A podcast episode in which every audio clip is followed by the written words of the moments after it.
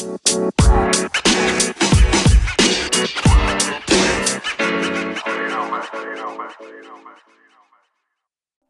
lo masih dengerin lagi podcast Kepo Kepo Kepo episode ke-64. Dan ini seberang sana ini ada temen gue yang gue bisa dibilang kayak punya asumsi awal ini orang cukup sukses secara karir dengan apa ya dengan skill yang mungkin menurut gue kayak nggak apa ya nggak semua orang artis ternyata dia pakai skill ini itu sangat bisa ngebantu peningkatan karir dia nih ini ada Tias Wulandari halo sis Oh, apa kabar? Alhamdulillah baik.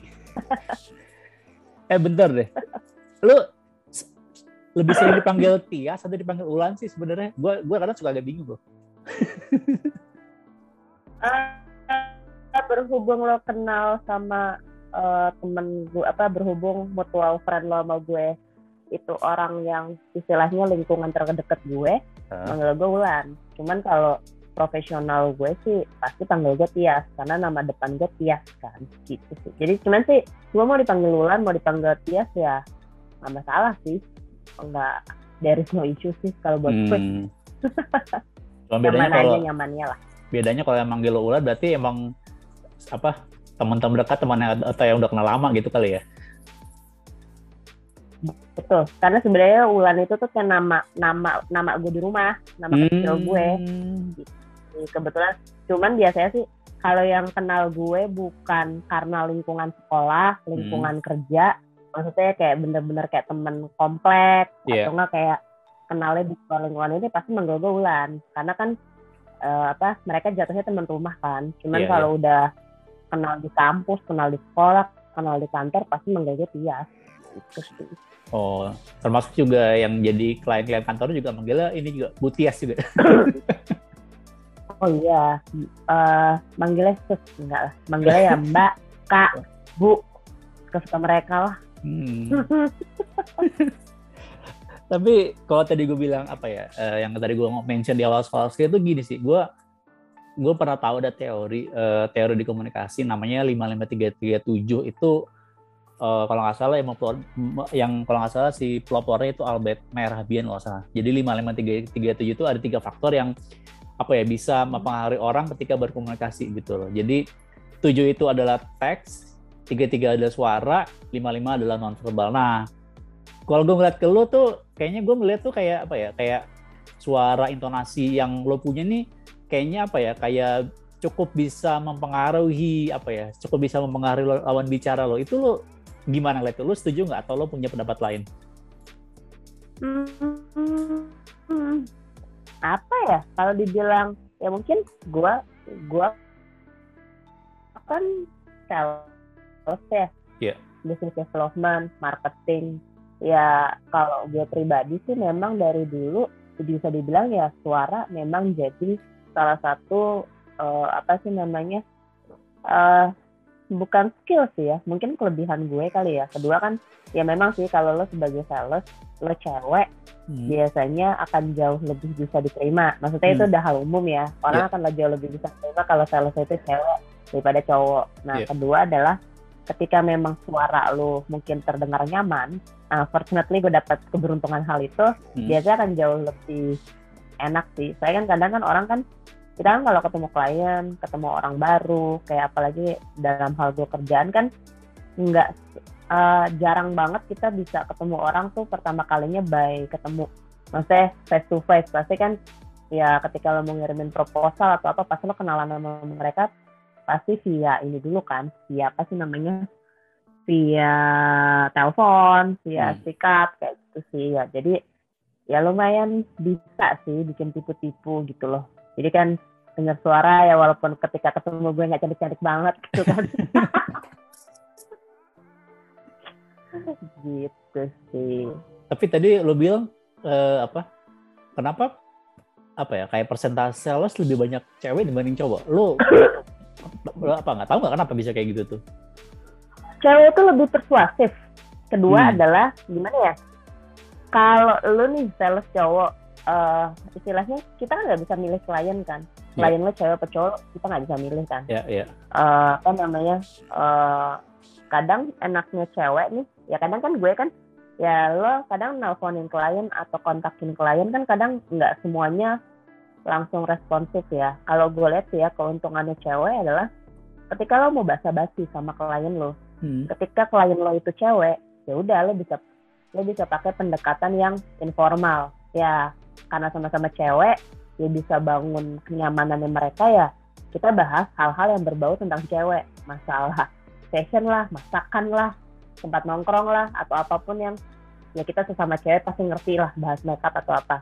Atau ketika memang cowok apa ya kan kalau lu sebagai sales cowok lo tau misalnya lo WhatsApp salah satu klien lo itu cowok misalnya ya gitu kan. Cuma Hmm. Nggak dibales-bales cuman kan kalau lo mau basa-basi misalnya tuh cowok tuh klien update status apa kan kadang kan orang kan sekarang kan sering juga bikin status di WhatsApp kan Iya. Eh, apa WhatsApp story-nya ya kalau lo sesama cowok kan duh mas anaknya lucu banget kan nggak enak ya maksudnya kayak ada rasa risih nggak sih kayak Iya, iya, iya, orang iya, iya. juga cowok juga pas baca juga kayak krik krik krik gitu Iya, loh.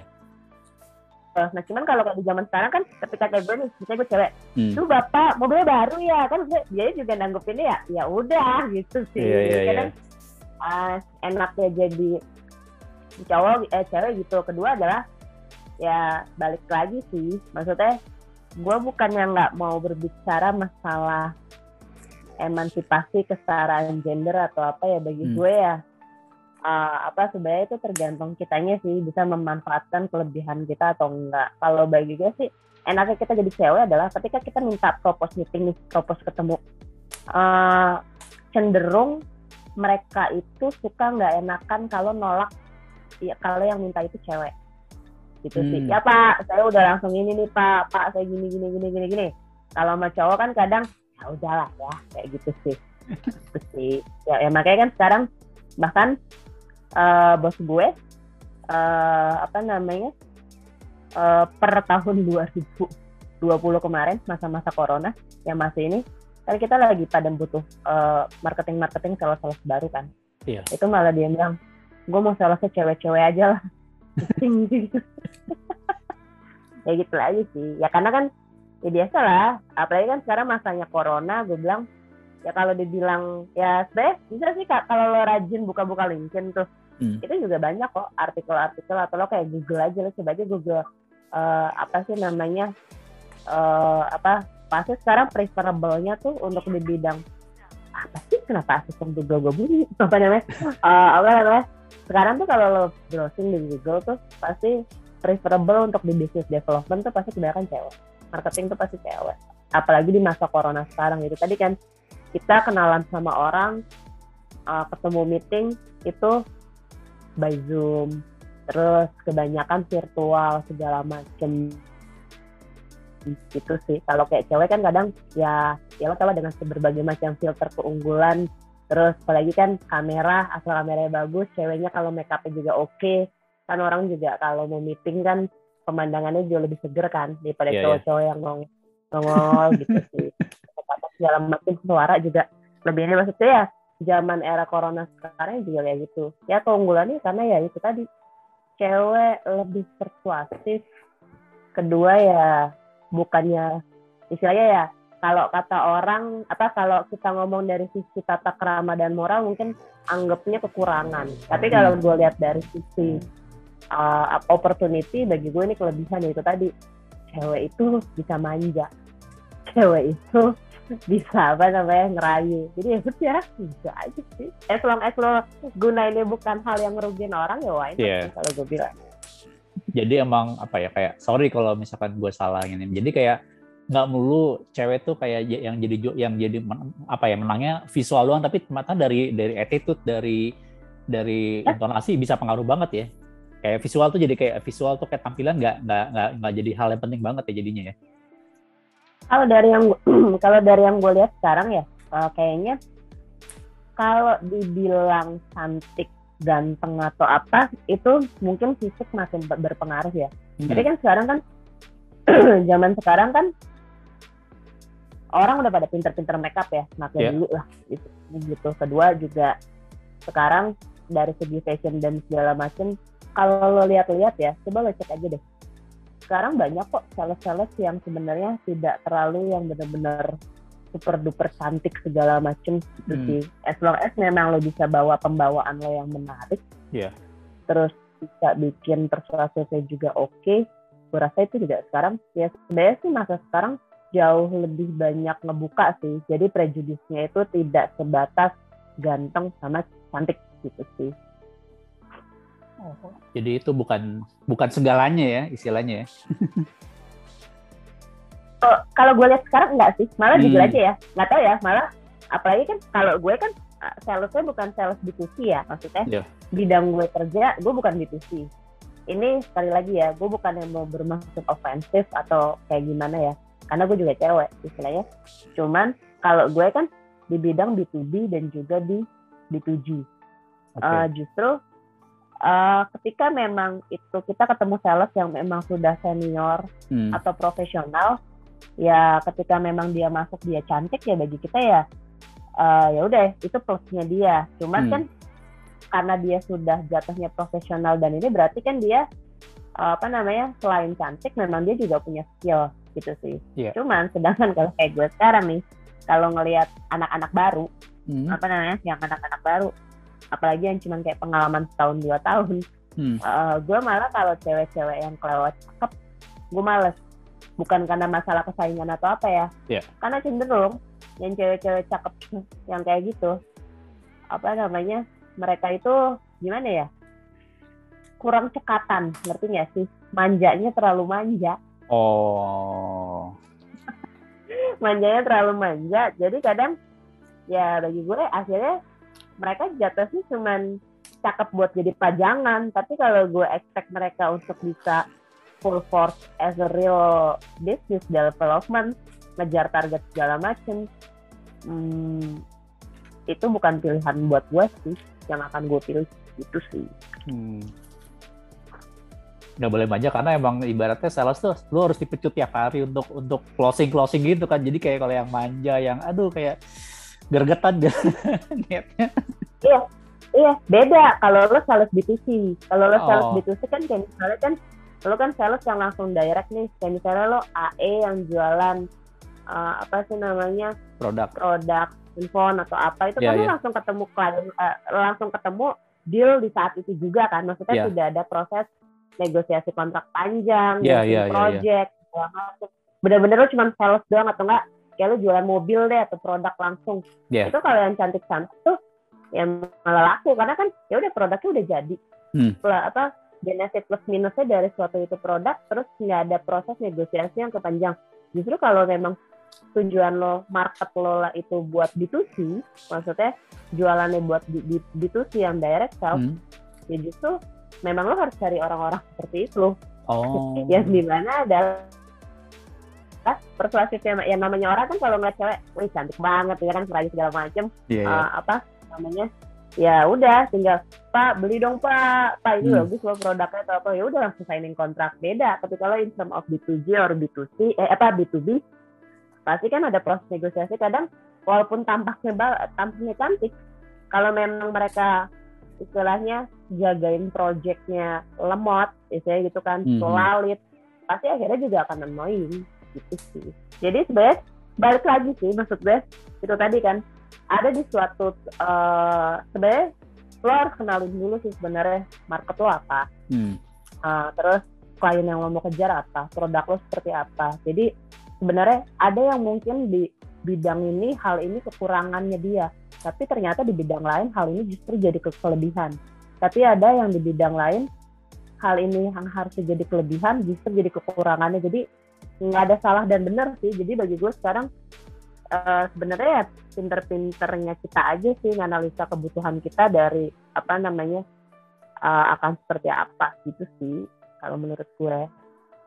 Apalagi juga kalau ngomongin B2B atau B2G juga kan yang hadapin istilahnya orang yang apa ya yang ya orang, Orang yang pinter lah. orang pinter orang emang yang punya apa ya emang pasti level entah emang orang punya punya emang penentu kebijakan jadi emang sales yang yang Hmm. masuk yang yang yang datang juga emang harus yang lebih punya attitude yang lebih lebih tahan banting gitu ya Iya, gitu sih. Makanya gue bilang sebenarnya tidak ada salah dan benar untuk makanya yeah. makanya tadi gue bilang gue tidak bermaksud ofensif hmm. ketika memang lo sales sales kayak B2C lo pakai sales yang memang orang project segala macem yang memang dia cycle kaku atau bener-bener timeline project banget nggak bakal masuk karena ya terlalu kaku gitu aja cuman sedangkan kalau lo masuk sales yang yang istilahnya cuman taunya bisa persuasif tapi tidak mengerti bagaimana uh, apa sih namanya ngatur untuk schedule-nya dia sendiri, timeline-nya hmm. dia sendiri, nggak bisa nganalisa kliennya yang nggak cocok di B2B atau B2G gitu sih. Jadi plus minus sih sebenarnya yeah. tergantung lo mau mau gunain mereka buat hal yang kayak gimana. Iya, yeah. Tapi kalau baik lagi tadi ngomongin masalah apa ya, uh, intonasi uh, solo itu lo apa ya, kapan kapan sih menyadari bahwa ternyata gue punya kelebihan di sini itu lo dari kapan sih? uh, apa ya kayak gue sih sebenarnya banyak yang bilang sih apa namanya kalau uh, orang tuh kalau ngobrol sama gue tuh ya nyaman aja kayak hmm. gitu kan maksudnya kayak diajak ngomong juga enak dengerin suara di telepon juga enak atau kayak atau kayak gini deh kayak kayak kalau lagi gue proses interview segala macam hmm. itu juga mereka jauh lebih persuasif apa persuasif lah lebih senang sih karena memang kalau kata mereka suara gue itu uh, apa vibe-nya itu ceria jadi uh, apa namanya ceria dan bisa kayak mengajak mereka itu mau mendengarkan apa yang diceritakan. Walaupun sebenarnya cerita gue nggak penting-penting banget gitu mm -hmm. kayak gitu. Atau nggak kayak bahasa basi gue sebenarnya kayak ini. Cuman karena entah ya maksud gue kan kalau gue kan karena memang gue tidak berniat untuk dibikin-bikin. Karena memang uh, ya udah itu udah naluri ya seperti itu kan. Nah yeah, terus yeah. kalau menurut mereka sih uh, apa dibilangnya kalau apa ya itu vibe gue itu positif. Bikin mereka tuh kayak oh iya penasaran oh ya jadi jadi pengen nimpalin segala macem gitu sih. Jadi ya kalau bagi mereka sih melihatnya itu. Dan dan gue juga berdasarkan pengalaman dari beberapa bos gue dari beberapa klien ya itu juga yang yang emang mereka akhirnya bisa dibilang itu menunjang pekerjaan gue juga sih. Jadi klien itu kalau ngobrol sama gue tuh ya apa namanya betah lama-lama lah kayak gitu sih. Sama juga kan lu juga pernah cerita ya waktu lu pernah interview kerja yang user bilang lu disangkanya ini announcer ya. Nah iya. Kan sekarang kan saya kan uh, jujur sih gue kan lagi emang apa namanya beberapa bulan ini kan lagi sering banyak interview sebenarnya. Uh, gue mau interview itu apply nggak apply headhunter yang nyari. Kalau gue tipikal yang selalu open untuk segala macam interview hmm. kalau dari sisi del apa pribadi gue sendiri lebih karena kadang kan lo kerja suka demotivasi suka yeah. kadang ngerasa skill lo masih bagus nggak sih lo masih dihargain nggak sih Hmm. Kenapa? That's why kenapa gue kalau ada headhunter man, apa ngajak gue ketemu, ngajak gue interview atau ngajak gue ngobrol, gue masih akan tetap nanggepin maupun sebenarnya niatan gue nggak pengen resign kayak gitu. Lebih karena dari interview itu kan kadang kan ketika lo dilirik sama headhunter atau lo diajak interview orang kan berarti dia melihat ada sesuatu kelebihan lo nih yang cocok buat perusahaannya dia Yeah. Nah itu sih sebenarnya kalau kayak gue sih satu kalau sebagai mood lebih buat apa sih namanya ngebangkitin rasa kepercayaan diri gue oh gue masih oke okay kok uh, eksternal masih ngeliat gue masih bagus masih ada itu ya kedua adalah ya kalau gue sih nganggepnya lebih kayak bimbingan konseling buat diri gue sendiri ya kadang gue nanya ke HRD-nya itu apa sih yang bikin uh, apa namanya tertarik untuk interview saya apa sih yang stand out apa sih namanya dari CV saya gitu sih. Nah, cuman kalau sekarang balik lagi ke interview. Itu tadi kan yang tadi gue cerita sama lo. Uh, sekarang kan gara-gara corona dan PPKM, interview semua serba online kan. Iya. Yeah. Serba apa namanya, kita nggak pernah bisa ketemu langsung segala macam. Nah, best. Nah, di saat inilah juga gue merasakan suara gue bisa membawa keberuntungan buat gue. Karena itu tadi kan, uh, apa jujur sih kalau lo ngomongin interview itu gue sebenarnya lebih nyaman untuk interview ketemu langsung karena kan lo bisa jauh lebih berekspresi kan misalnya nunjukin gimana gimana sih uh, apa namanya kelebihan lo seperti apa terus counter jawaban kayak gimana nah, cuman kayak sekarang kan ya karena masanya ppkm yang mau nggak mau gue ngikutin kan nah hmm. namanya ya udah pas gue kemarin terakhir beberapa kali gue ketemu inter eh interview by zoom ketemu si level ada beberapa kali mereka tidak bisa untuk uh, apa sih namanya nongolin video. Ya udah mereka dengerin aja gue. Ngomong gue cerita segala macam segala macam sampai dia nanya kamu itu zaman kuliah atau zaman dulunya pernah jadi penyiar radio nggak sih? Gitu kan langsung apa namanya uh, suaranya renyah banget terus ngobrol nggak hmm. selesai selesai gitu. Kayak emang kamu modelnya untuk storytelling ya. Nggak pernah nggak pernah apa namanya berpikiran untuk ganti jobnya jadi announcer. Lah tidak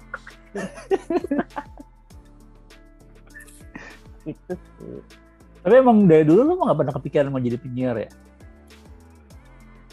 Enggak karena mungkin apa ya gue itu bukan orang yang kreatif ya dalam bidang seni. Ya kalau kayak dulu kan notabene kan kalau orang-orang yang penyiar atau apa kan itu yang orang pada dek, apa deket sama yang masalah konten masalah yeah. apa. Jadi kayak gue sendiri juga tidak pernah untuk berani untuk menyentuh bidang tersebut itu sih sebenarnya jadi ya akhirnya ya udah kenapa ya gue balik di bidang gue sekarang? Gitu sih. Oh makanya kalau merasa lo lo nggak kreatif kayak dulu ngambil kuliahnya fisip lagi dulu ya. Ya itu cuman kan itu tadi fisip kan tukang orasi tukang protes. Uh. negosiator gitu sih. Walaupun sebenarnya pas pas kuliah juga nggak terlalu banyak nerapin soal orasi dan dan negosiator sebenarnya. Ya.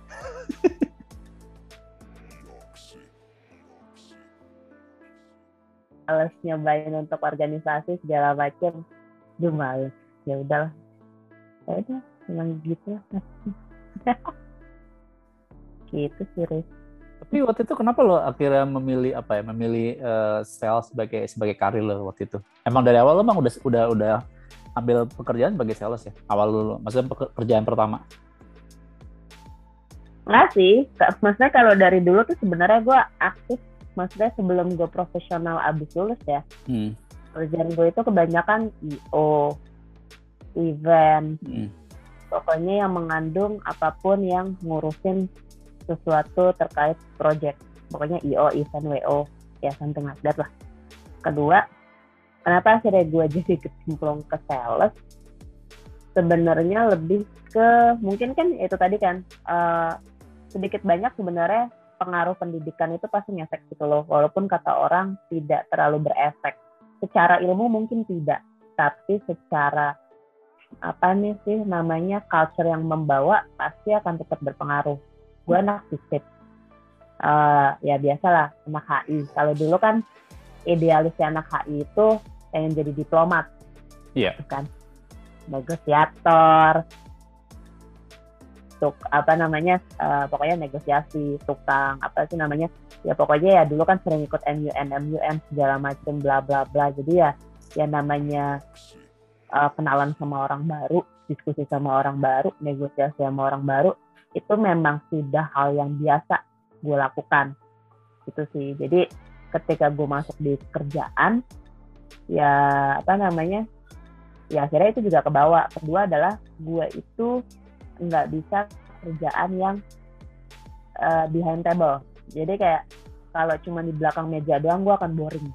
Aku di situ sih. Jadi memang mungkin ya memang pembawaan gue itu gue demen ketemu orang gue demen untuk negosiasi gue demen apa. Akhirnya ya career path yang pas akhirnya ya di sales di marketing kayak gitu sih. Cuman memang gue pribadi memang gue buka sales yang terkait buat untuk B2C gue pribadi gue nggak terlalu pinter ngerayu ya jujur aja. Kayak hmm. gitu kan maksudnya. Karena memang itu tadi kan basicnya adalah itu tadi. Basic gue orang politik HI yang di mana negosiasi gue tuh yang kayak ya benar-benar negosiasi persuasif terus yeah.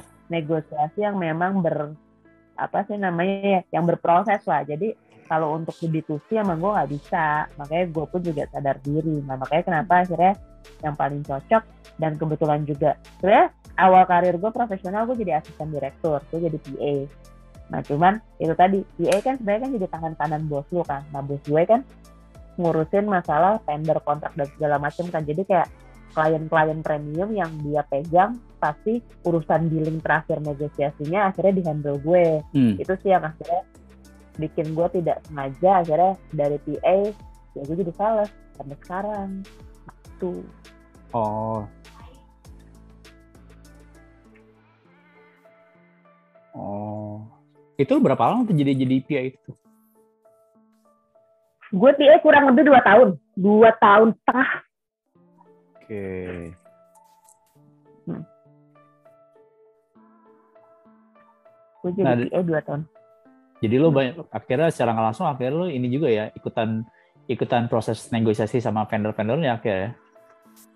Iya, dan kebetulan kan karena memang gue belajar jadi sales itu gue ngedampinginnya kan si level, hmm. yang which is kan dari segi beda ya, segi pendekatan si level untuk negosiasi, closing kontrak, dealing uh, ngelihat klien, bisa dibilang sih gue merasa beruntung kebentuknya uh, karena itu tadi kan awalnya karena gue ngedampingin si level. Itu sih jadi ya itu tadi kan jadi kayak dari segi proses negosiasi yang rumit closing kontrak yang ribet segala macam mungkin kalau orang uh, apalagi fresh graduate lari pertama kali ke B2B atau ke B2G itu akan kaget. Karena itu tadi kan cycle-nya memang terlalu berat sebenarnya yeah. untuk kita yang anak-anak fresh grade. Uh, cuman ya itu tadi gua ketolong karena gue PA yang kebetulan gue handle si level. Dan ya untungnya gue PA bukan sekretaris. Jadi gue tidak hanya handle masalah jadwal tapi memang gue ikut langsung yang ngurusin mom dan segala macam. Jadi dari situ sih sebenarnya gue belajar gitu sih. Tapi pas itu lo emang udah karena lo akhirnya terjun secara langsung itu akhirnya lo ini emang udah langsung tertarik ke sales atau kayak berapa waktu kemudian baru lo tertarik ke sales itu? Hmm, kalau dibilang langsung tertarik atau enggak kayaknya gini sih apa uh, apa namanya karena gue tadinya backgroundnya PA terus abis dari situ gue di kantor yang lama kan 4 tahun tuh sebelumnya hmm. sekarang dari PA terus akhirnya gue dipindahin ke business development buat jadi senior partnership jadi kayak tadinya sih didorong maksudnya kayak ya lingkungan yang akhirnya memaksa gue untuk di bidang tersebut cuman ya, hmm. ya karena memang career path gue akhirnya ke di sana uh, ya akhirnya gue terusin. Karena memang ternyata ya skill gue memang di situ sih gitu sih.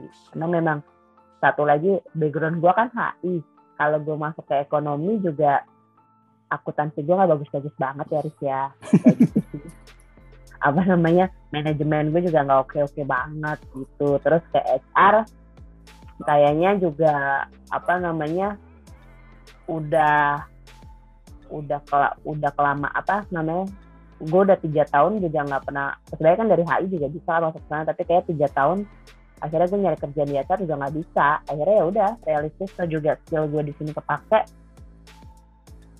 Ya udah akhirnya gue terusin aja. Kedua juga itu tadi kan ketika lo ngamar kerja kerjaan baru pasti kan mereka ngeliat background background apa namanya pengalaman lo yang kantor lama kan. Jadi akhirnya ya salah lagi salah lagi itu aja tapi lo waktu yang lo bilang lo jadi PA itu lo ini nggak udah mulai apa ya? Udah mulai menggunakan intonasi sebagai senjata lo nggak sih? Pasti dong, karena kan uh, gue PA, otomatis hmm. kan gue itu kan uh, apa namanya ngaturin jadwal untuk si uh, apa bos gue kan, yeah. otomatis kan yang range dia untuk kalau ketemu klien, ketemu si level dari perusahaan lain kan pasti gue yang handle, hmm. gitu sih. Dan kadang kan ya itu tadi uh, apa namanya yang kayak pendekatan dan suara gue yang segala macem. Dan kadang kan kalau lo ngatur jadwal gitu kan pasti bukan lo kirim surat kan. Kalau maksudnya kalau sesama PA sih ngirim surat iya pasti konfirmasi kan tetap by phone kan. Yeah. kayak gitu. Jadi memang ya kadang ya gue ya kalau di sana ketemuannya sama sesama PA ya ya sambil ngobrol-ngobrol padahal nggak pernah ketemu tapi kayak udah kayak orang so akrab. Ya pokoknya bodo amat yang penting gue bisa dapat jadwal buat bos gue. Kayak gitu kan kalau dapetnya cowok ya lebih bagus lebih gampang gue. Ayo dong mas tolong dong cariin dong waktunya dong segala macam padahal itu tadi uh, kita belum pada pernah ketemu. Ketemunya juga ya pas akhirnya meetingnya terbentuk gitu sih. Hmm. Jadi itu bang maksudnya di momen-momen itu bang ya secara langsung intonasi itu udah udah udah apa ya udah apa ya, ya. Uh, udah udah mulai lo pakai ya dan itu lo ini nggak sih notice bahwa oh, ternyata gue di intonasi gue bagus ya ternyata itu lo sempat notice gitu nggak sih? Uh, notice notice banget makanya kan gue selalu mempergunakan apa hal tersebut kan untuk bisa apa sih namanya ya hal-hal yang lagi gue lakuin apa gue sih notice sih sebenarnya udah dari zaman gue kuliah juga gue notice sih untuk hal itu. Hmm. Nah, waktu lo zaman kuliah itu lo meng, apa ya menggunakan kelebihan intonasi lo buat apa biasa itu waktu waktu lo kuliah? Presentasi. Kalau oh. lagi ada oh. tugas-tugas.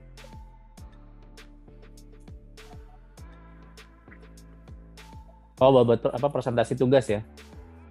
Iya, presentasi tugas. Tapi kan gue HI kan hmm. dikemas untuk menjadi diplomat calon diplomat kecil. Yeah. Otomatis kan yang namanya proses bagaimana intonasi cara lo untuk apa namanya mempresentasikan tugas lo beda mungkin kalau lo di kampus-kampus lain kan presentasi tugas kan cuman ya lingkungan saya begini apa uh, project saya ini ini ini ini hmm. paling gitu kan kan kalau kayak HI kan ya ya karena kita memang diajarkan untuk sering juga untuk melakukan simulasi kan simulasi sidang simulasi apa. Jadi yang namanya intuas, in, intonasi dan lo bisa berubah karakter itu memang akhirnya itu tadi gue bilang kalau kata orang lingkungan maksudnya pendidikan itu nggak penting lo bisa kerja di mana aja betul itu betul. Cuman pendidikan jurusan apa yang lo ambil itu sebenarnya akan membentuk uh, diri lo adalah dan juga lo mencari tahu apa sih kelebihan dan kekurangannya yang bisa lo pakai gitu sih. Oh, jadi emang sebenarnya kalau waktu lo kuliah, maksudnya presentasi apa ya ala-ala kayak di pemotretan itu kayak gimana sih kalau lo yang lo bisa inget? Yang membedakan dengan maksudnya yang membedakan dengan presentasi yang pada umumnya gitulah. Uh, gini sih, kalau presentasinya anak politik itu lebih multi arah. Okay. Gitu. Apa namanya? Beda nggak tahu sih ya tapi kan mungkin nanti gue akan banyak dapat koleksi mesin dari yang denger apa namanya kalau kayak jurusan-jurusan lain kan yang lo presentasikan kan adalah ide lu ya. istilahnya kayak gitu kalau nggak hmm. ide uh, misalnya anak-anak engineer kan otomatis kan misalnya uh, produk yang lagi lo bikin atau apa gitu kan maksudnya real case gitu loh kayak gitu nah kan kalau kayak anak-anak HI kan Toto lo bikin presentasi misalnya kemarin ada bom di Irak nah lo lo juga baru anak kuliahan lo nggak tahu itu bom kayak gimana ya gitu hmm. kan sebenarnya lo memposisikan diri ketika kalau lo jadi pimpin kan kadang kan suka, kita kan suka ada simulasi SDG kan yeah. tentang suatu hal yang terjadi di hubungan internasional jadi Toto lo memposisikan diri misalnya misalnya saat itu gue dapet peran buat jadi seolah-olah gue itu uh, apa namanya uh, apa namanya diri apa dirjen lagi apa? Ambasador di suatu negara. Ya udah berarti gue memposisikan diri uh, apa namanya dan gue dapat negaranya itu misalnya negara maju. Kan maksudnya kan kita kan ada negara maju berkembang sama negara apa dunia ketiga kan? Yeah. nah berarti kan kalau lo negara maju berarti kan lo harus bisa jadi seorang diplomat yang bisa apa namanya uh, persuasif terus apa namanya punya hmm, punya apa sih? Chemistry lagi. Punya apa sih? Level confidence yang tinggi. Karena kan lo dari negara berkem apa negara maju kan otomatis kan lo punya banyak resources yang bisa lo, lo apa lo pakai buat bisa uh, ngedirect si uh, apa sih namanya si diplomat diplomat dari negara berkembang atau negara ini untuk ngikutin apa yang lo mau. Kayak gitu sih. Jadi akhirnya juga itu tadi kan. Karena kita sering simulasi MUN kita juga belajar juga misalnya kita jadi perwakilan negara mana itu tadi sih. Akhirnya kita juga bisa mempelajari oh kalau jadi perwakilan negara maju lo harus begini. Perwakilan negara berkembang harus begini. Terus juga keadaan dari negara tersebut juga akhirnya bisa membentuk lo juga oh gue negara maju berarti gue harus jauh lebih bisa apa gue punya power nih segala macam. Sih tapi kalau misalkan dari segi intonasi itu untuk diplomat ada ini nggak sih kayak intonasi tersendiri gitu supaya mungkin supaya bisa tadi lo bilang menderek apa mengarahkan pembicaraan atau bisa mempersuasi misalkan diplomat lain itu ada nggak sih? Pasti ada. Dan seninya diplomat itu adalah diplomat itu dilarang untuk mengucapkan kata tidak. Contohnya gimana tuh contohnya? Ya kayak misalnya nih ada suatu keputusan misalnya apa namanya uh, misalnya lagi suatu ini misalnya ada misalnya masalah global warming deh. Ya. nah misalnya antara pertemuan misalnya Indonesia sama Amerika. Hmm. walaupun Amerika nyodorin Indonesia Indonesia tahu dia akan jawab. Sebenarnya dia nggak setuju tapi sebagai seorang diplomat uh, apa namanya tantangan terbesar untuk seorang diplomat adalah untuk dia langsung berkata tidak. Jadi namanya diplomat ya udah lo puter-puter lo kasih tahu ini keadaannya gimana lo puter-puter ini adalah diplomat itu tidak boleh berkata tidak. Oh tuh kalau di contoh lain ini ya kayak misalkan kayak orang kasih bilang bahasanya diplomatis sih itu intinya intinya sebenarnya dia bilang enggak tapi kayak kata-kata seakan apa ya seakan-akan kayak halus tapi sebenarnya dia enggak gitu ya sebenarnya. Ya kayak masih open. Dan dan itu sebenarnya kepake sih di kerjaan gue sekarang. Apalagi kan hmm. gue sales kan. Yeah sales itu sebenarnya paling tabu untuk bilang tidak ke klien. Walaupun lo tahu sebenarnya apa yang dia minta, itu sebenarnya nggak mungkin. Misalnya sudah nggak, ya kalau nggak mungkin, mungkin misalnya budgetnya cuma 200, iya. tapi kalau tahu pas proyeknya berjalan permintaannya dia itu udah di luar budget. Nah, iya. kalau kayak gue kan, gue punya tanggung jawab untuk menjaga relasi ke mereka kan, biar yeah. mereka nggak ilfil juga, atau masih tetap tetap mau ada project sama kita ya. Jadi ya itu gue juga tidak bisa untuk bilang tidak ke dia. Dan itu juga yang gue tekanin ke anak-anak tim gue kan. Sales itu nggak boleh bilang enggak. Jadi better kalau kamu nggak bisa jawab uh, kalau kalau memang kamu belum bisa tahu medan seperti itu bilang oh gitu ya pak ya. Uh, nanti coba kalau lu mendengarkan uh, apa sih namanya permintaan mereka insightnya mereka dan coba untuk memperjuangkannya gitu sih jadi di telepon dilarang lo untuk yang pertama ngomongnya itu ngomong tidak bagi gue sih itu tabu sih gitu hmm.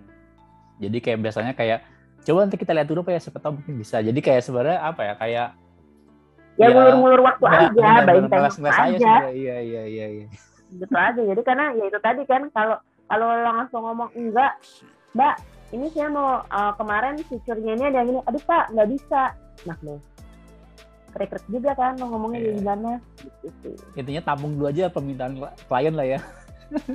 Betul. Jadi itu tadi sih mas ya balik lagi. Uh, ya lingkungan pendidikan gue jurusan gue ya akhirnya juga nggak bantu gue juga ngebentuk gue juga untuk pekerjaan gue sekarang. Gitu sih. Hmm. untuk ngatur intonasi gimana cara orang berbelajar ya sales itu ya pasti ya ya, ya, ya lo harus pinter ngatur intonasi, terus cara lo negosiasi, baca situasi. Nah, kalau ngatur intonasi maksudnya apa ya? Kayak uh,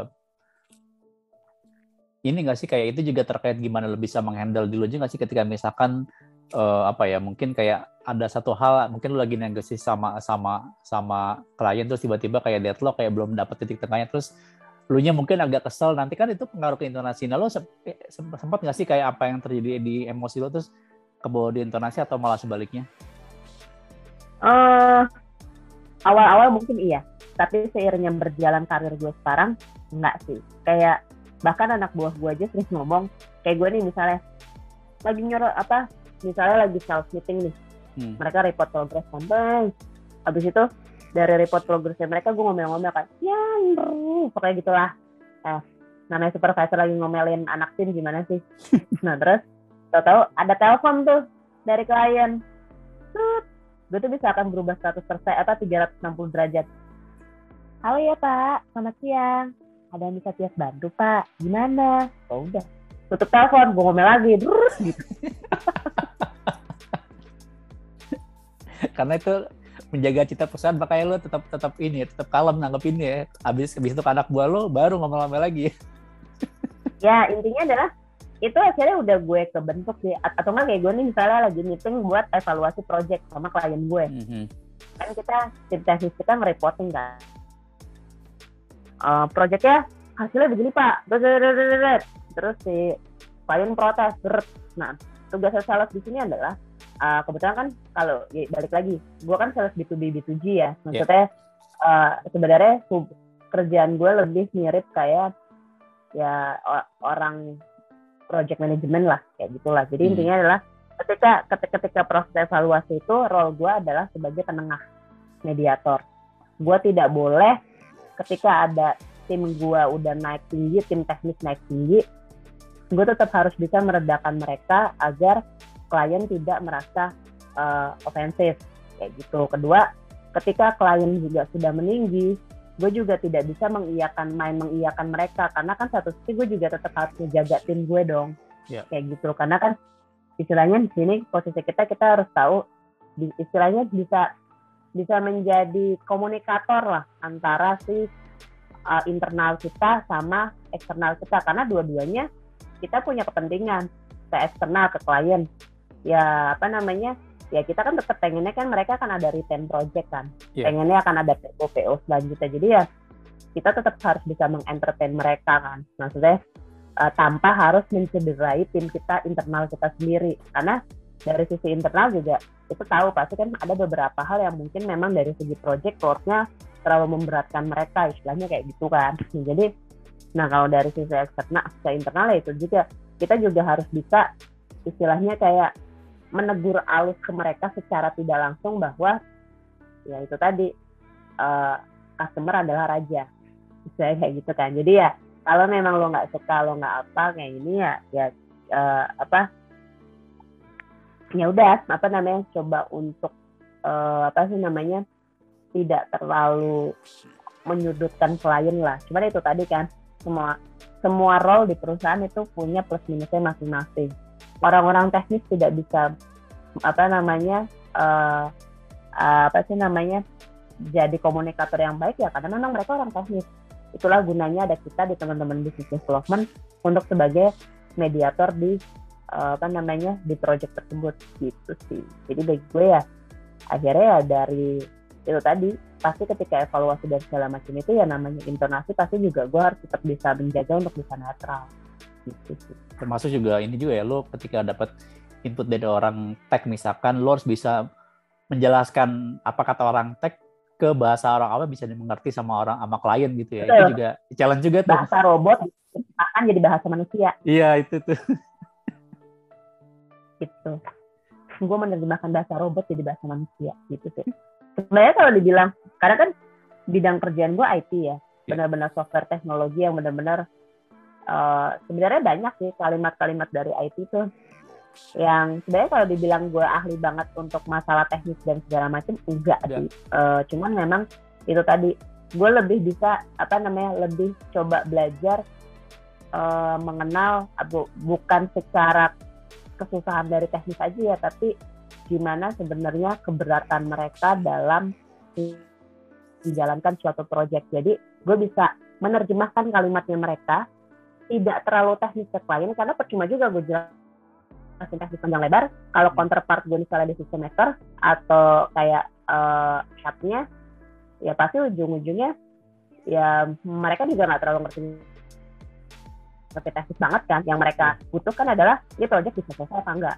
Projectnya bisa sesuai tambahan apa enggak? Deliver yang ngomong ada apa enggak? Kalau untuk teknis ya bahasa robot silakan ketemu sama orang robot. Itu kan mereka biasanya kan tiap minggu pasti ngobrol kan robot sama robot gitu ya, kayak gitu kan ya udah jadi ya kenapa gue di situ ya gue lebih melihat lebih pakai empati sih sebenarnya hmm. kesulitan dari tim gue apa terus timelinenya berapa ya itu itu yang coba gue terjemahkan gini loh pak kemarin kan ada fitur satu dua tiga yeah. gue tidak menjelaskan secara fiturnya itu butuh penyesuaian blu blu blu blu enggak gue gue tidak mau menjelaskan complicated itu cuman gue bilang pak kemarin kan anak-anak teman-teman udah meeting apa namanya evalu apa tektokan uh, sama tim bapak juga. Nah kemarin hasilnya ya gini maksudnya karena ada keberatan ini nah dari sini kami minta mohon waktu tambahan gini gini. Itu aja sih kira itu yang menerjemahkan dasar obat menjadi bahasa manusia gitu. Dan di situ intonasi berperan penting tuh ya.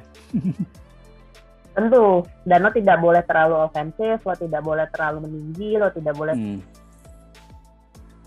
soalnya kalau lo terlalu merendah pasti klien akan makin mikirin lu. Yeah, Karena kan berarti kan jadi position lo jadi lebih rendah kan. Yeah. Cuman kalau lo terlalu meninggi, klien pasti akan naik hitam tuh, istilahnya. Kok udah lo yang telat, udah yang ini kan gue klien lo pengen ngelot kayak gitu sih. Jadi memang ya benar-benar lo harus bisa jaga ini sih, intonasi lo berbicara, memilih kata-kata gitu sih. Itu istilahnya ini ya, asertif ya. ya gitu sih. Makanya gue bilang ya balik lagi sih karena memang culture kerjaan gue seperti itu kan. Tuh. Tapi kalau mau dibandingin ya antara B2B sama B2G, B2G, B2G itu apa government itu lebih challenge, lebih lebih menantang mana sih kalau dari pengalaman lo?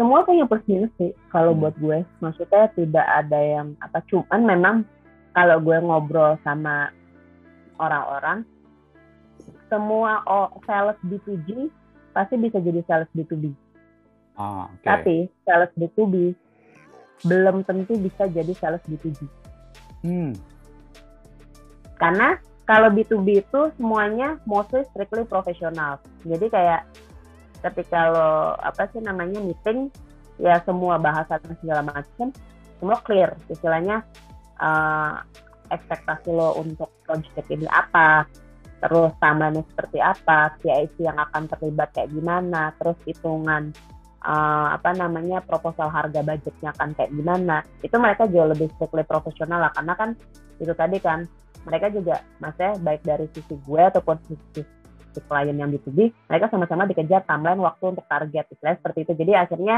ya kita harus kita tidak boleh membuang-buang waktu orang lain juga kayak gitu sih. Maksudnya ya, ya kita perspektif kita udah sama lah kayak kayak gitu. Cuman kalau untuk B2G ya itu tadi. Ya gue bukannya tidak semua PS seperti ini sih tapi memang unfortunately memang ada masih ada. Jadi kayak kalau lo mau meeting yang tadinya lo udah daftar misalnya kan kalau kalau kayak B2B, B2B kan eh, kirim meeting pak. Saya minta meeting jam sama saya lo udah kirim email formal kasih surat eh, saya mau uh, pitching project bla bla bla. Misalnya Hmm. minggu depan tanggal segini tanggal segini. Udah mereka kan strictly sesuai on schedule ya telat-telat pas datang setengah jam atau oke lah. Cuman kalau kayak B2G nih misalnya lo di janjian nih udah bikin surat dua minggu yang lalu Iya. udah dikonfirm sama sekretarisnya atau siapalah astrinya atau siapalah pokoknya bidangnya. Lo tahu udah hari H nih lo udah datang ke kantornya Iya. bisa aja oh bentar ya bapaknya lagi dipanggil apa namanya Pak Dirjen oh bentar ya bapaknya ada dipanggil ini gitu bisa aja yang tadinya lo meeting jam 1 atau lo baru meeting jam 6 Aduh. terus atau enggak yang harusnya ini total lo meetingnya jadi besok jadi gitu jadi yang namanya timeline di 2G itu adalah lo tuh harus bener-bener strictly disiplin sebenarnya sama diri lo sendiri karena Hmm. Lo tidak bisa ketergantungan sama timeline project atau timeline target yaitu tadi aku molor kayak gitu sih jadi itu tadi eh, kebanyakan kalau yang sama B2G itu itu tadi sih segala macam keajaiban keajaiban jadi soalnya kalau di B2G yang lo adepin itu adalah eh, keajaiban orang Iya. gitu. Belum juga kan lu juga harus menghadapi apa ya? Ya birokrasi kan nggak tahu sih kalau gue masih punya pandangan kalau birokrasi Betul. birokrat. Itu tuh kayak apa masih terlalu tersistematis lah kaku jadi kayak ngadepinnya kayak lu mesti sabarnya level tinggi banget. Betul. Dan udah gitu kalau sama uh, government keseringan adalah ketika lo meeting. Meeting formal macam meeting resmi ya. Iya. mereka tuh iya oh, oh bla bla bla belum tentu mereka ngerti. Abis itu lo follow up lagi ya itu. Ya itu tadi kalau sama B2G sebenarnya sih informal meeting maksudnya uh, hangout abis meeting itu sebenarnya di B2B pun juga berjalan. Cuman bedanya kan kalau sama di B2B kan hangout abis meeting kan justru pertanda bahwa lu uh, apa pitching lo bagus presentasi lo bagus Ya. gitu loh Hmm. kalau di B2B karena ya udah lo tinggal ngeyakinin aja biar dia mas gimana kemarin hasilnya? Oke. Kalau di B2G ketemu abis lo formal meeting itu justru hal wajib karena untuk make sure mereka Oh. sebenarnya ngerti nggak sih apa yang dijelasin terus Oke. make sure lagi Hmm. uh, sebenarnya proyeknya ini benar-benar uh, soalnya itu tadi di 2G itu PHP-nya tingkat tinggi. Jadi kalau di B2G ketemu informal, abis ketemu meeting resmi itu wajib. Sedangkan kalau di B2B, lu bisa ketemu apa namanya habis meeting formal, lu bisa meeting informal, hmm. itu malah sebenarnya pertanda bahwa pitching lu bagus. Gitu oh. Jadi kalau di B2G kalau ada meeting formal itu lo yang lo yang arrange, tapi kalau B2B dari si kliennya yang yang arrange gitu ya? Ya atau dari gue juga, dari hmm. gue yang arrange juga iya karena kan gue butuh persa, perlu dari mereka kan. Cuman kan yeah, itu yeah. tadi iya. kan pertemuan formal tuh lebih kayak akhirnya oh oh pitching gue berhasil nih buktinya dia pengen ngobrol mungkin tadi karena itu tadi kan kalau di B2B kan lo meeting sejam strictly sejam kan dua jam strictly dua jam kan kayak hmm. gitu kan jadi mungkin ada bahasan yang di meeting gak clear akhirnya dia mau meeting gue ketemu lang ketemu gue ngopi nih berarti kan akan ada further discussion nih yang mungkin kemarin dia nanya pas lagi meeting waktunya nggak cukup gitu yeah, loh. Yeah. Sedangkan kalau kayak di 2 lo ketemu ngopi habis meeting resmi itu sih sebenarnya kewajiban sih kalau gue. Hmm. Berarti kalau kayak ke B2G yang emang apa ya lo menghadapi banyak keajaiban berarti lo secara apa ya mainin intonasinya harus lebih ini lagi ya lebih apa ya nggak tahu lebih emang lebih harus lagi bagaimana tuh? Sementara kan yang lo menghadapi ke, banyak keajaiban nih. Ya interpersonal skill lo sih sebenarnya yang sangat oh. diuji banget kalau lebih tujuh nggak cuma masalah intonasi sih tapi lebih ya benar-benar interpersonal skill lo itu. Pendekatan lo bikin bikin mereka nyaman bikin mereka. Nyaman bukan dalam arti kata lo berbuat negatif ya yang yeah. aneh-aneh. Tanda kutip. Berarti yang benar-benar gimana lo bisa bikin mereka itu tidak merasa lo itu cuman sales vendor panci gitu loh. Oh. Emang oh, masih ada yang masih ada government yang menganggap kayak gitu ya?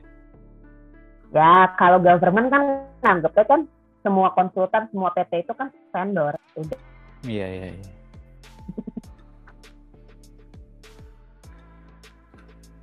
Berarti kalau kayak di B2G tadi yang lo apa namanya yang lo kayak mesti kayak contoh misalkan mesti make sure dia dia uh, mereka mengerti dengan dengan dengan apa ya pitching yang lo bilang berarti emang emang lo kalau dari pengalaman lo emang lo punya intonasi khusus atau emang kayak intonasinya ya udah kayak seperti biasa aja gitu loh apa gimana?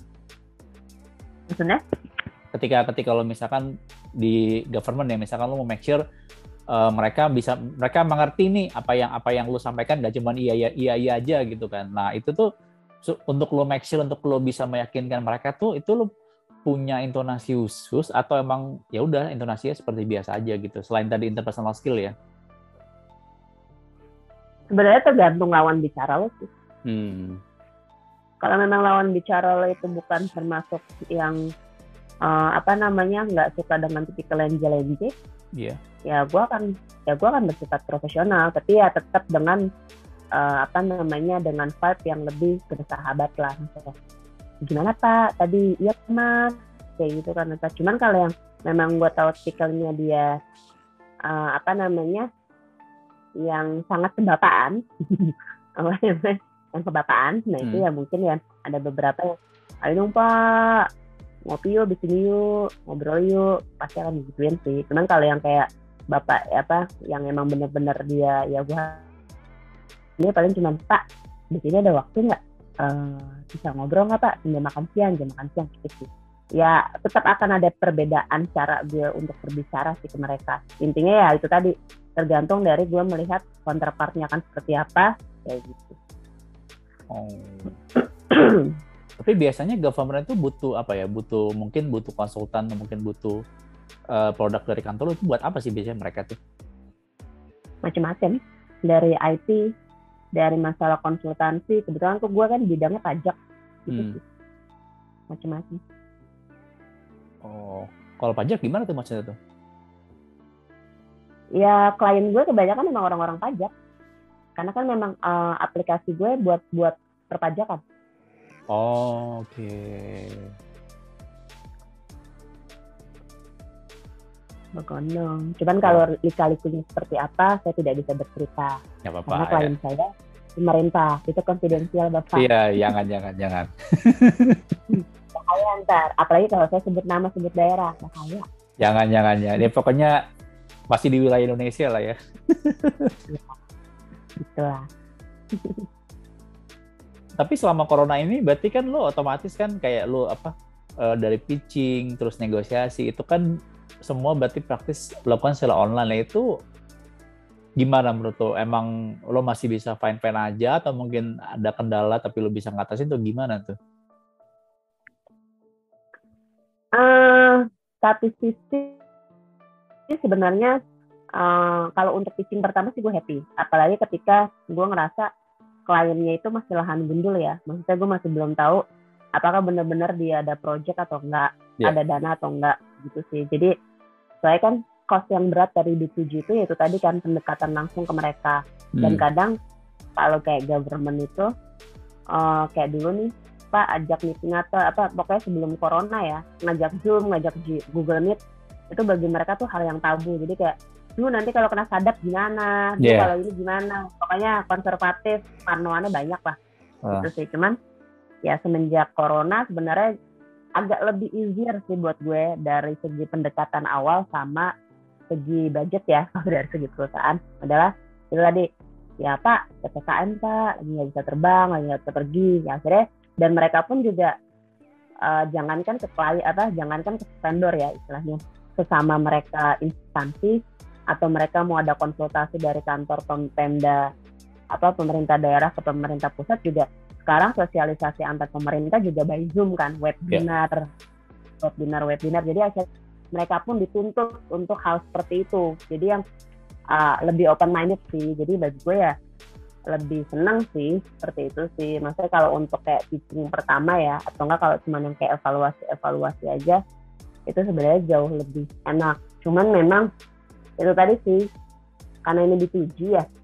Jadi kadang gue kalau yang memang udah ngerasa apalagi kalau udah ngekritik kontrak yang lumayan cukup gede nominalnya hmm. pasti kalau memang dari hasil zoomnya bagus ada pendekatan segala macam pasti kita akan tetap minta ketemu sih.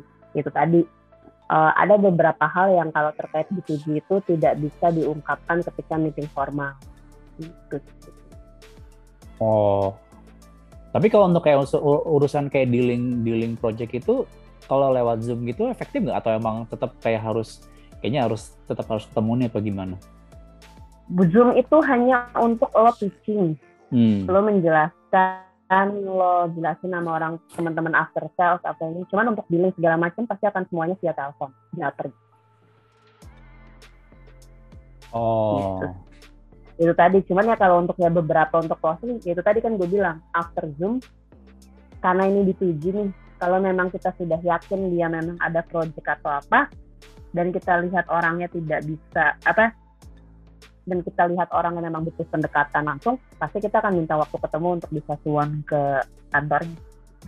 Jadi sebenarnya balik lagi sih dengan sikon dari si kliennya akan seperti apa ya itu tadi sih skill yang harus dipakai adalah untuk melihat apakah dia cukup bisa di closing by phone, by WhatsApp, by pokoknya follow up by virtual lah atau memang tetap harus pergi ke sana gitu. Hmm. Tapi lu pernah gak sih ngalamin kayak untuk untuk closing tuh bener-bener kayak ya di B2G nih ya, gue nanya kayak lama banget nih untuk closingnya tuh pernah gak sih lu? Sering banget. Itu gimana tuh ngatasin itu, itu lo? Itu justru udah hal umum sih kalau di B2G. Di B2G hmm. itu lo bisa closing kontrak sebulan itu udah bagus. Karena mostly di sini tuh range closing kontrak tuh 3 sampai 8 bulan. Bahkan ada yang sampai setahun. Gila. Itu sih. Karena memang itu tadi cycle birokrasi cycle proses mereka signing kontrak hmm. itu sangat jauh berbeda sama B2B dan B2C. Kalau B2C apalagi lo kalau ketemu bawa kontrak pak setuju nggak tanda tangan SPK keluar. Yeah. Atau nggak kalau kayak B2C kan clear tuh kalau udah ini ya udah paralel kayak ini mas. Kalau B2G ya itu tadi sih ya birokrasi lah balik lagi. Gitu. Tetap harus ngelawatin beberapa meja ya. ya betul. Itu sih. Jadi kalau B2G sebenarnya lama ya itu tadi ya, ya, ya itu tadi makanya yang gue bilang sales B2G masih bisa untuk jadi sales B2B. Yeah. Sales B2B belum tentu bisa jadi sales B2G. Itu tadi bukan karena skill ya, yeah. lebih ke masalah mentalitinya mereka dan kesabaran. Itu sih. Hmm. Lu tapi ngawalin ngawalin karir lu di B2B atau B, B2G sih? B2B. Oh, nah waktu lo nggak ada waktu lo masuk ke B2G gimana tuh lo apa eh, menghadapi kekaitan itu cara, cara mengatasinya tuh? Gue bahkan pas waktu interview di kantor gue yang sekarang itu uh, bos gue bilang hmm. pas waktu gue dia interview sama gue bilang hmm, kamu itu nggak cocok untuk di B2G sebenarnya. Maksudnya hmm. skill kamu akan sangat terpakai untuk di B2B. Bahkan bos gue langsung juga ngomong hal seperti itu. Itu sih. Cuman ya pas gue lari ke B2G, nah ini keuntungan si gue adalah gue itu kan mantan BA ya sebelum gue jadi sales di 2B ya. Yeah. Jadi gue udah biasa tuh ngurusin kerewelan, mut-mutannya uh, si level, terus yeah. kayak proses ininya. Jadi akhirnya ketemu pas gue ketemu karakter orang-orang di 2G ya, maksudnya kalau secara karakter manusia rewel ya, itu ya, hmm. karakter manusia rewel, gue akhirnya nggak kaget sih gitu sih. Cuman mungkin kalau dari segi negosiasi dan segala macam ya akhirnya learning by doing. Cuman mungkin yang bikin gue akhirnya survive dan bisa adjust itu tadi gue pernah jadi PA yang ngurusin orang-orang rewel. Maksudnya bukan gue bilang uh, rewel gimana ya? Ya ya kita sama-sama karyawan kita tahu lah namanya ngurusin bos pasti rewel kan. Yeah, yeah. apalagi apalagi gue PA saya kayak gitu kan. Gue ngurusin yang langsung bu ini ada meeting sama ini. Oke okay, Tia uh, schedulein aja di kalender. Atau dia bilang ya aku besok nggak bisa ternyata ada meeting ada ini. Mending jawabannya ada meeting. Kadang ada bilang anakku mau pergi sekolah. Daftar sekolah baru aku harus nemenin dia nih ada preschool nah gitu. Jadi ya sama orang-orang BTG kan juga gitu kadang. Duh mbak uh, apa namanya saya nggak bisa masuk nih gara-gara anak saya mau vaksin. Ada aja kayak gitu jadi kayak jadi maksudnya mental yang bikin gue akhirnya bisa adjust di divisi itu tadi gue sudah terbiasa dengan uh, apa namanya dengan karakter aneh-aneh lah gitu sih yang makanya akhirnya bisa gue bikin survive dan belajar apa bisa aja beradaptasi di B2G gitu. Hmm. Tapi kalau dari lo ini gak sih ada kayak mungkin entah tips mungkin atau cara gimana supaya intonasi lo ketika lo lagi presentasi ketika lagi bicik itu supaya orang tuh bisa bisa nerimanya bisa enak tuh. Lu ada ini nggak sih? Ada caranya nggak sih? Kalau mungkin kalau lu bisa di ya di list mungkin di, dia ada caranya lah gitu. Kalau gue sih biasanya setiap ini adalah gue lebih mem, apa namanya? Lebih mempelajari dulu uh, sikon counterpart yang akan kita temuin. Itu satu. Kedua gue gue mesti tahu dulu agendanya yang dibahas akan apa. Okay. Kenapa perlu itu? Satu adalah ketika lo ada di ruang pertemuan, lo ada di ruang negosiasi, lo ada di meeting, lo nggak panik. Karena ketika lo panik, otak lo kacau, cara ngomong lo pasti akan berantakan. Yeah. Itu satu. itu pasti. Jadi prepare diri lo yang clear. Kedua, kenapa berkali-kali mungkin kayak dari tadi dengar gue bilang know your customer, know your counterpart. Karena gini, mm -hmm. cara lo berbicara sama si level atau sama kalau di gue mungkin di apa di B7 kan mungkin kayak sama kepala badan, kepala hmm. daerah itu akan sangat berbeda. Kayak lo ngomong sama staffnya dia atau oh, kayak yeah. apa. Jadi memang apa lo juga harus memperhatikan. Itulah kenapa gue bilang lo harus prepare juga counterpart lo seperti apa. Karena itu akan membedakan bagaimana cara lo untuk bisa uh, apa sih namanya uh, berbicara dan juga membalas obrolan mereka. Hmm. Gitu loh. Kedua adalah itu tadi. Kenapa gue minta lo untuk prepare agendanya apa, bahasannya apa, itu tadi biar lo nggak panik. Ya itu tadi panik, otak kacau, terus pas ngeliat, wih gila yang datang si level gede-gede brek udah hmm. pasti lo apa ngomong lo pasti berantakan gitu sih Oh, termasuk juga ketika lo menggak, istilahnya lo uh, misalkan lawan bicara lo misalkan yang seumuran lo atau lebih muda atau menghadapi yang emang orang, orang lebih tua dari lo itu pasti ntar intonasi ngomongnya juga akan beda banget ya. Hmm, uh, kalau beda sih, misalnya gini, kadang ya walaupun dia lebih muda dari gue, tapi kalau ternyata uh, jatuhnya kalau dia misalnya klien gue ya, hmm. posisinya dia di atas gue, pasti gue akan tetap lebih lebih hormat Oh, Oke. Okay. Karena itu tadi dunia profesional walaupun lo lihat umur lo lebih muda, ya balik lagi kalau ternyata dari segi pengalaman dan jabatan dia lebih tinggi ya lo tetap harus bisa memperlakukan dia ya sesuai dengan ininya apa uh, titelnya dan juga experience-nya dia kan mm-hmm. kita nggak mhm. bisa menganggap semuanya ya mungkin kalau di luar di luar apa sih namanya meeting formal meeting formal yang kalau ngobrol sama dia mungkin lo akan jauh lebih bisa yang tadinya misalnya mungkin uh, ada nih satu manajer umurnya 40 tahun, tapi ada satu manajer umurnya seumuran lu. Ya yeah. mungkin kan nanti ketika after meeting kan yang satu lo panggil bapak, yang satu lo panggil mah. Iya. Yeah. Itu sih. Gitu. Jadi yang dilihat sebenarnya jabatannya ya, bukan bukan masalah usianya sebenarnya ya.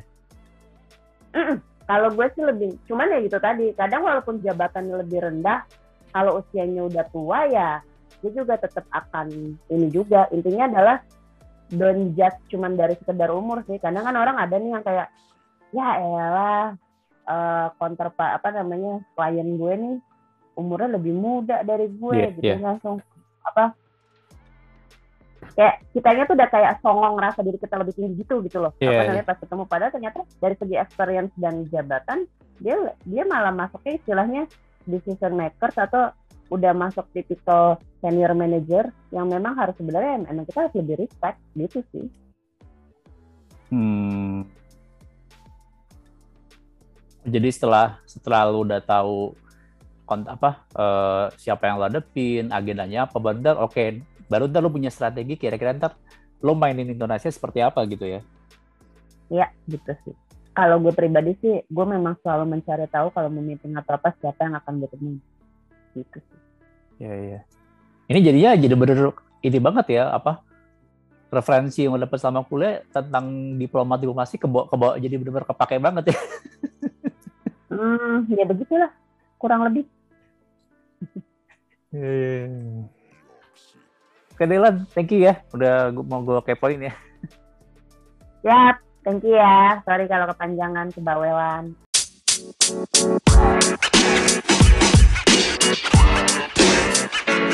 you know, man.